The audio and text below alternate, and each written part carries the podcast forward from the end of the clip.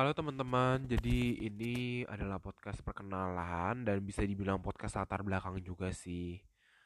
Jadi sebenarnya gue buat podcast ini karena gabut gitu ya dan juga gue tuh banyak banget ide-ide gue tuh yang comes and go gitu.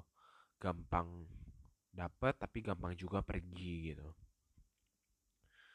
Ya salah satu tujuan gue membuat podcast adalah untuk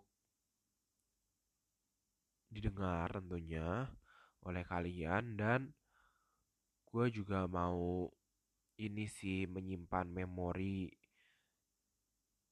tentang ide-ide gue, tentang pemikiran-pemikiran gue dan yang yang memungkinkan ide itu berguna buat kalian juga gitu.